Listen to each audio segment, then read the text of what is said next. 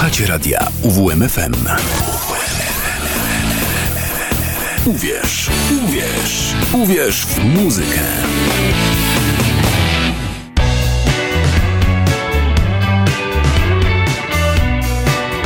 Audycja PRL in the House. Zapraszam, Wiktor Jurkiewicz.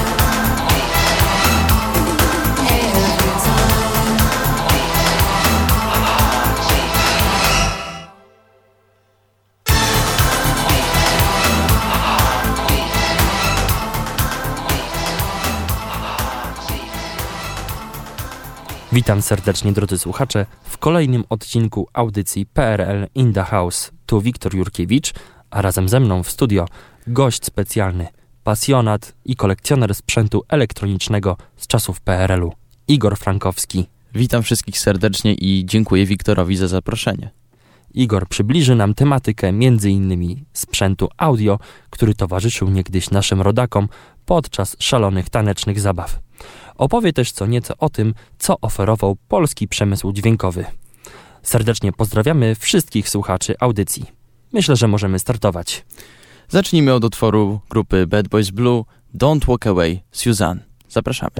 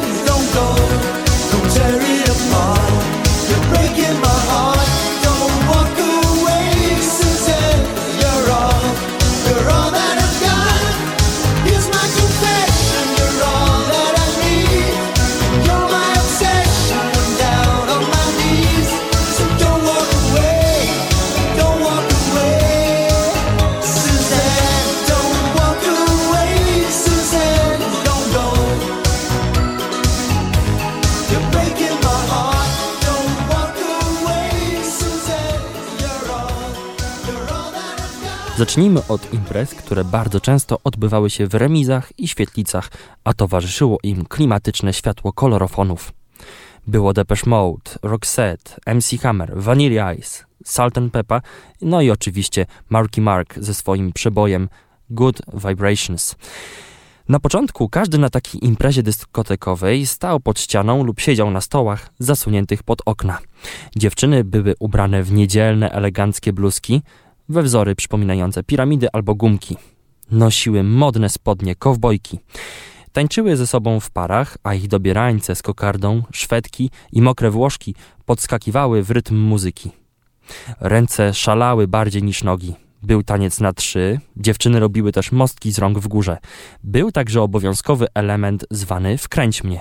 A wszystko po to, żeby popisać się przed chłopakami. A jak już przy tym jesteśmy, to dziewczyna i chłopak tańczyli ze sobą na dyskotekach stosunkowo rzadko.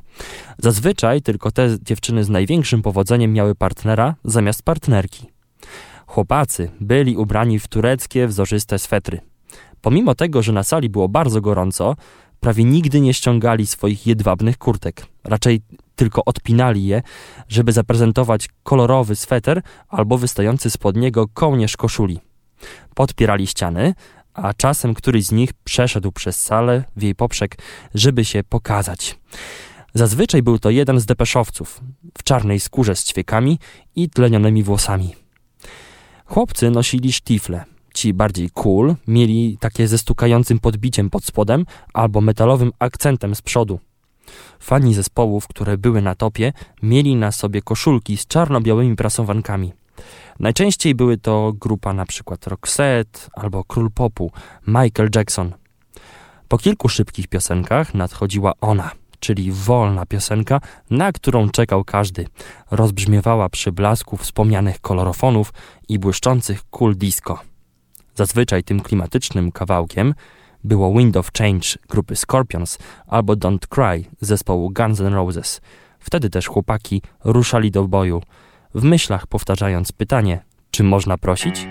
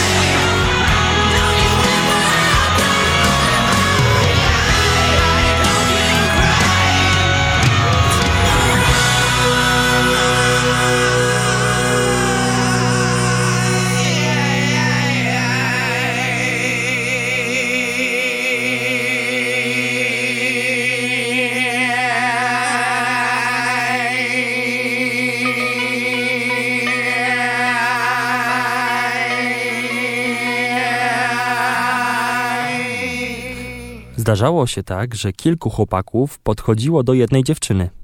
Wolny był oczywiście nie tylko tańcem. To był początek proszenia o chodzenie lub krok przed podaniem inicjałów sympatii w tak zwanych złotych myślach. Jeżeli to był początek, to dziewczyna trzymała swe dłonie na ramionach chłopaka, a on swoje na jej biodrach. Kołysali się tak rytmicznie, w prawo, w lewo, tak naprawdę stojąc w miejscu. Jeśli to było już coś poważnego, to chłopak krzyżował swoje dłonie na plecach dziewczyny, a ona krążyła swoimi wokół jego szyi. Po tym, gdzie znajdowały się ręce tańczących, rozróżniało się poszczególne etapy znajomości. Jak tylko wolna piosenka się kończyła, dziewczyna wracała do swoich koleżanek i razem analizowały całą sytuację, co chwilę spoglądając na grupę chłopaków, czy ten, z którym przed chwilą tańczyła, patrzy się. O godzinie 21 nagle zapalano wszystkie światła. Świetlica stawała się świetlicą i cały czar pryskał. Człowiek wracał do domu, wskakiwał pod swoją kołdrę i śnił o wolnych piosenkach.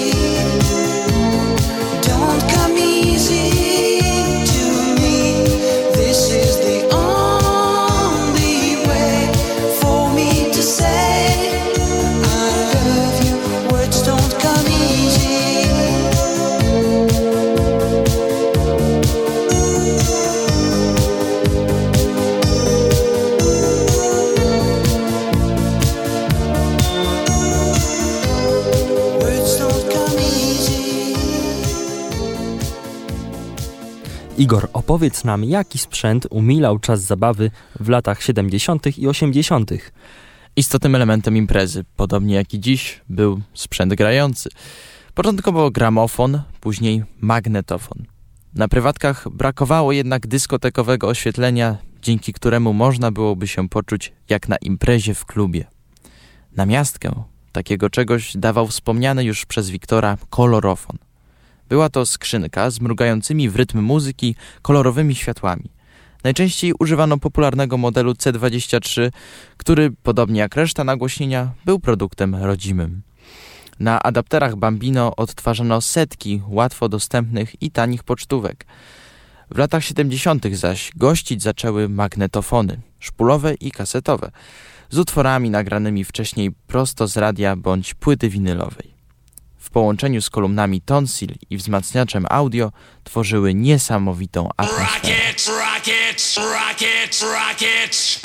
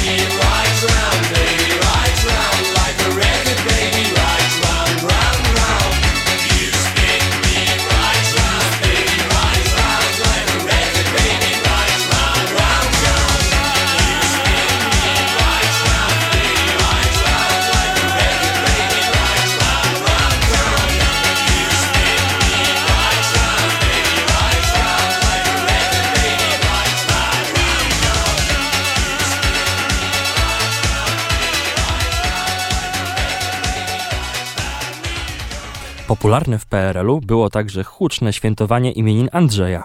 Andrzejki to święto wyjątkowe, od lat pełne guseł, wróżb i przesądów. Nie inaczej było w czasach PRL-u.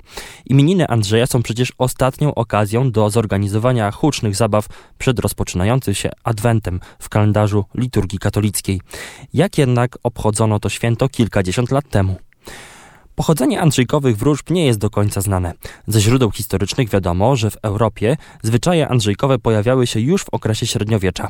Natomiast w XX wieku Andrzejki stały się w miastach pretekstem do ostatniej imprezy przed Adwentem.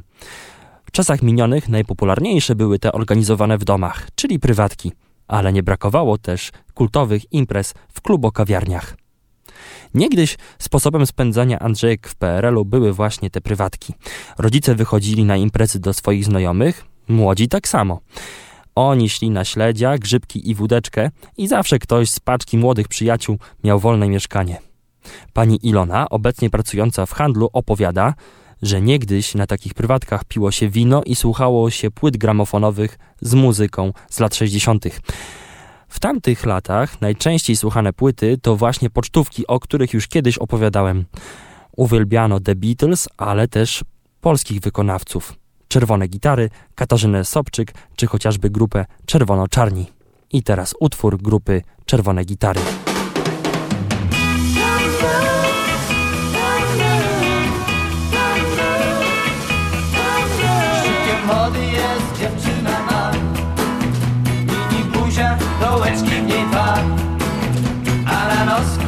There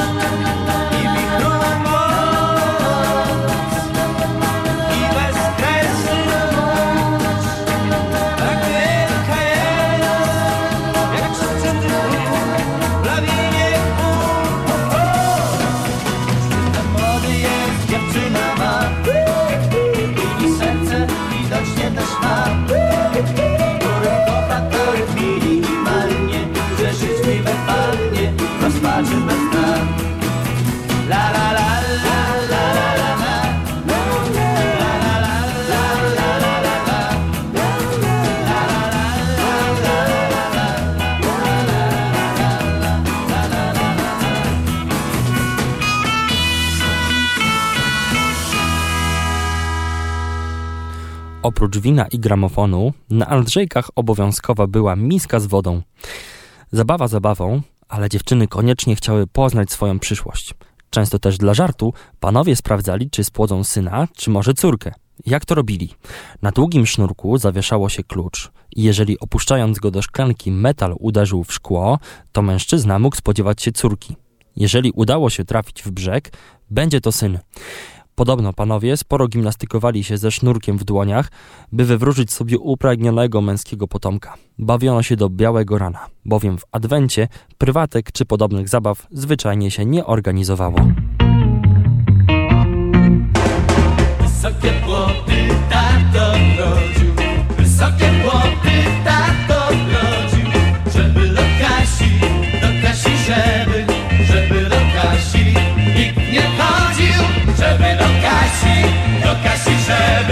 żeby do Kasi nikt nie chodził. Ale ta Kasia mądra była, ale ta Kasia mądra była. I dziurę w płocie, i płocie dziurę, i dziurę w płocie wywiaciła. I dziurę w płocie, i płocie dziurę.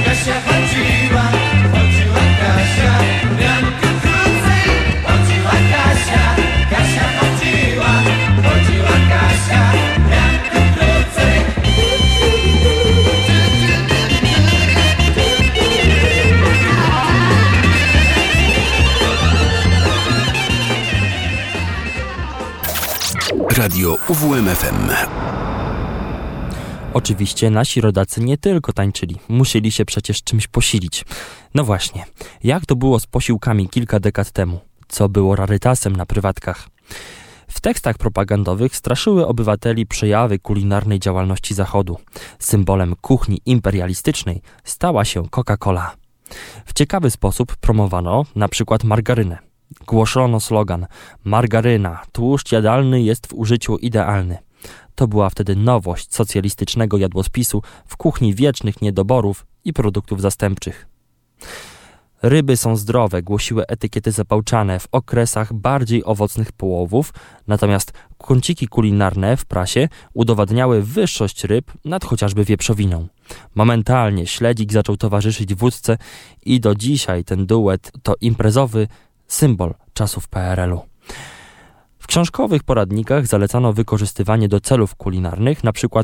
obieżyn z jabłek czy ziemniaków. Wyjątkowe miejsce w kuchni lat 50. miały na przykład owoce egzotyczne. Bo cytryny i pomarańcze sprowadzano w bardzo niewielkich ilościach, przypływały statkami z Kuby.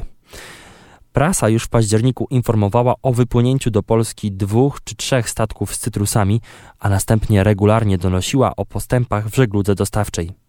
Bo cytrusy to były niegdyś nie lada frykasy. Rzadkością było, żeby pojawiały się na polskich stołach w latach 50. i 60. Wasi dziadkowie na pewno pamiętają, że cytryny i pomarańcze wieszano na choinkach zaraz obok bombek. Bananów i innych owoców egzotycznych nie sprowadzano niestety wcale, natomiast rodzynki zastępowane były przez rodzimy agrest albo polskie suszone winogrona.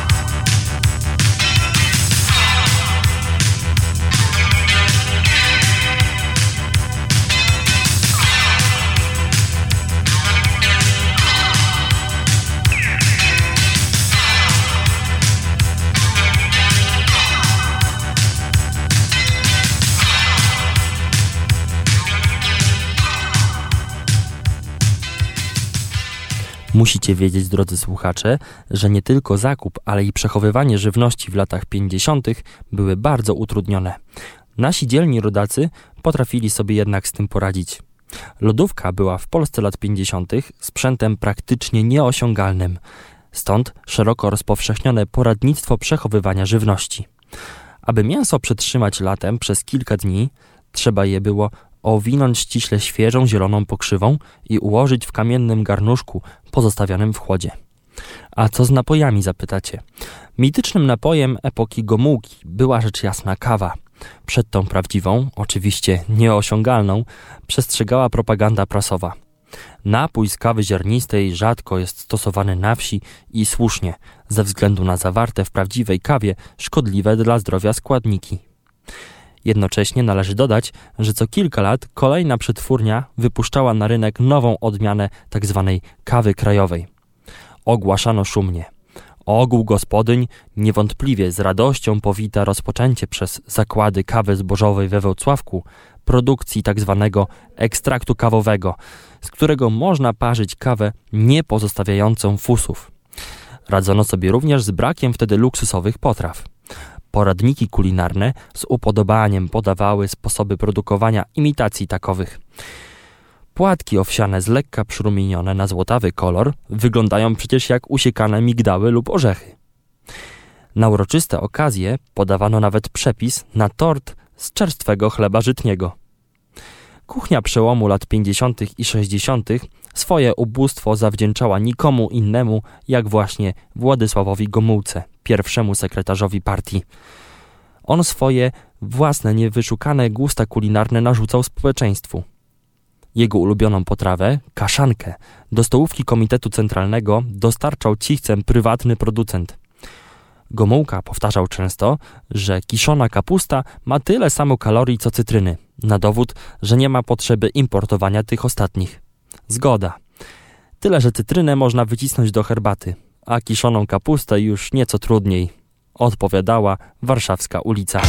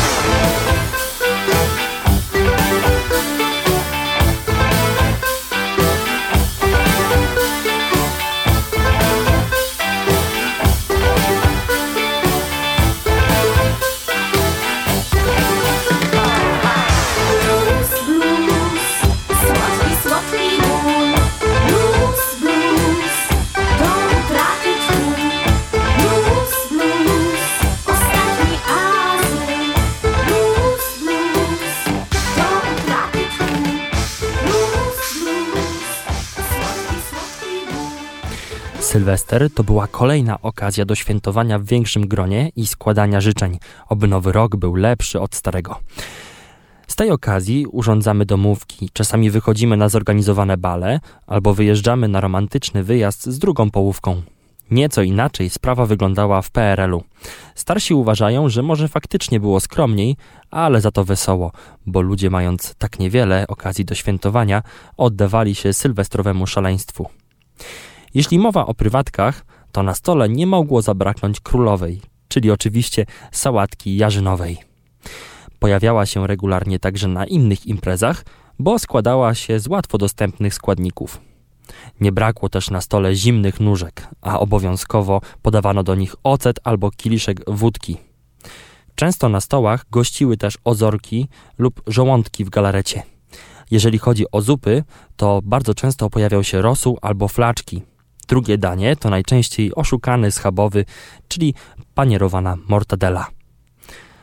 Obowiązkowymi przystawkami były marynowane grzybki i ogórki. Podawano też jajka w majonezie oraz tatar wołowy, bardzo często podawany z kieliszkiem schłodzonego alkoholu. Nie mogło obyć się bez śledzia w śmietanie lub occie. Na stołach gościły też przeróżne słodkości. Na prywatkach pojawiał się kultowy kogiel-mogiel albo znany do dziś blok czekoladowy. Gościły też wszelkiego rodzaju serniki i słodkie ciasta biszkoptowe. A na takich prywatkach grano m.in. ten przebój grupy Breakout.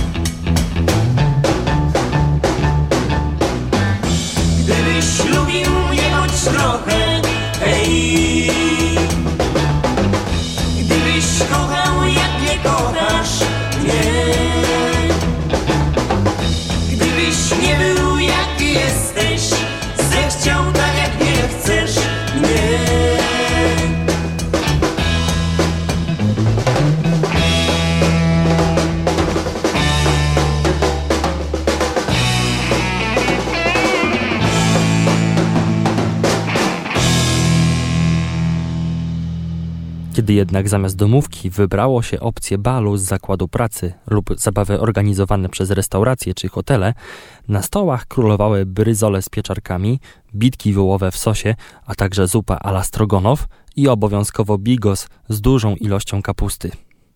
Na Sylwestra często chodziło się chociażby do remizy w swojej miejscowości. Na górze takiej remizy był bufet, a na dole parkiet i tańce. Jak ktoś zgłodniał, szedł po schodach, brał śledzia czy tam kromkę z ogórkiem i wracał. Nie było szampana, pojawił się dopiero w latach 80. Śledzika zapijało się gorzałą albo samogonem, bo to tak naprawdę po to był ten śledź. Nie żeby zjeść, tylko po to, żeby właśnie wypić. Orkiestra grała, a dekoracje wykonywano z bibuły albo kolorowych bloków. Jak ktoś miał wafle, to przynosił. Inny przynosił trochę kiełbasy czy kaszanki. Dużo tego nie było, ale wesoło, że hej.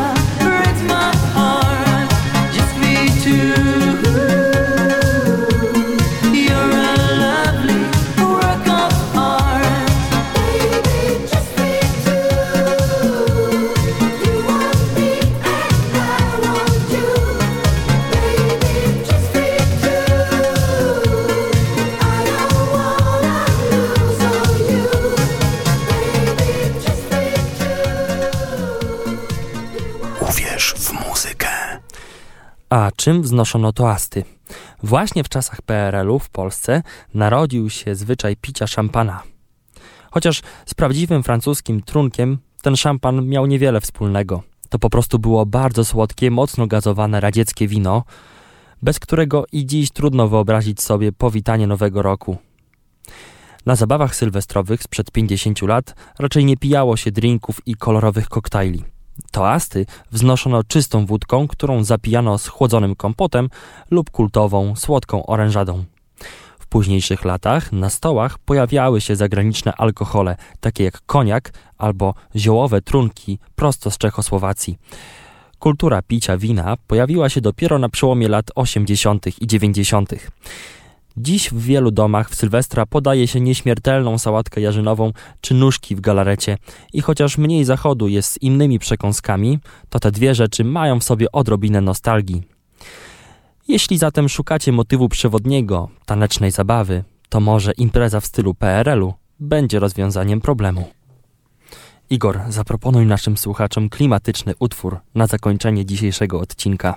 Myślę, że dobrym wyborem będzie Ciao Ciao Siciliano, utwór Italo Disco wylansowany na dyskotekach w Polsce. My już dziękujemy za uwagę i zapraszamy na kolejny odcinek. Igor Frankowski. I Wiktor Jurkiewicz.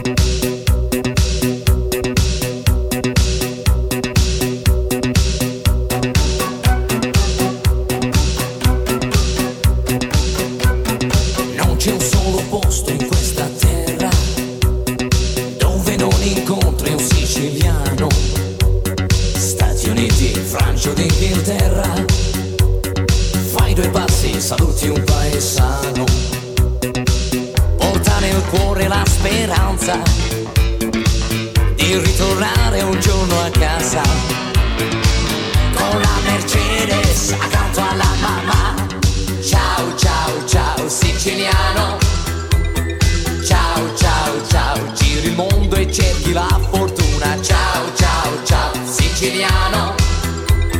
Ovunque tu andrai, lo so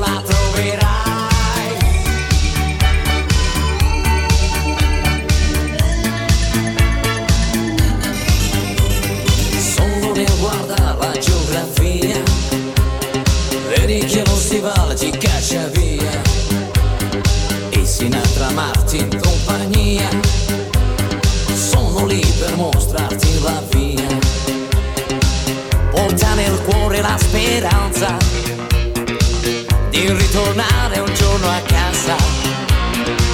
Con la Mercedes accanto alla mamma.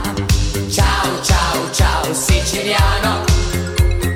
Ciao, ciao, ciao, giri il mondo e cerchi la fortuna. Ciao, ciao, ciao siciliano.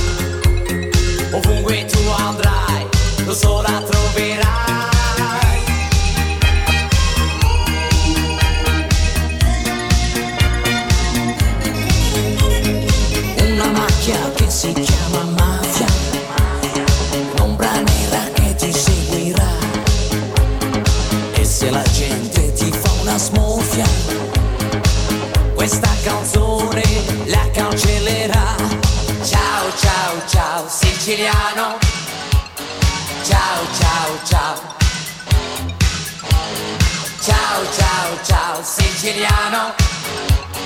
Ovunque tu andrai,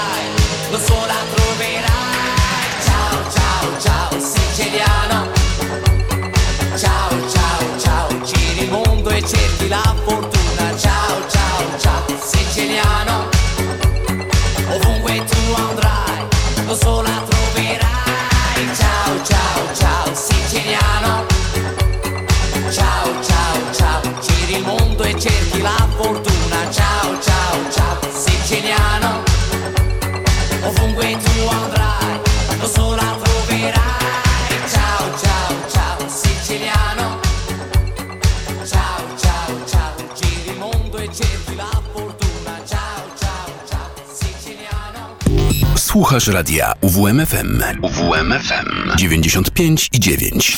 Radio UWMFM. Uwierz w muzykę.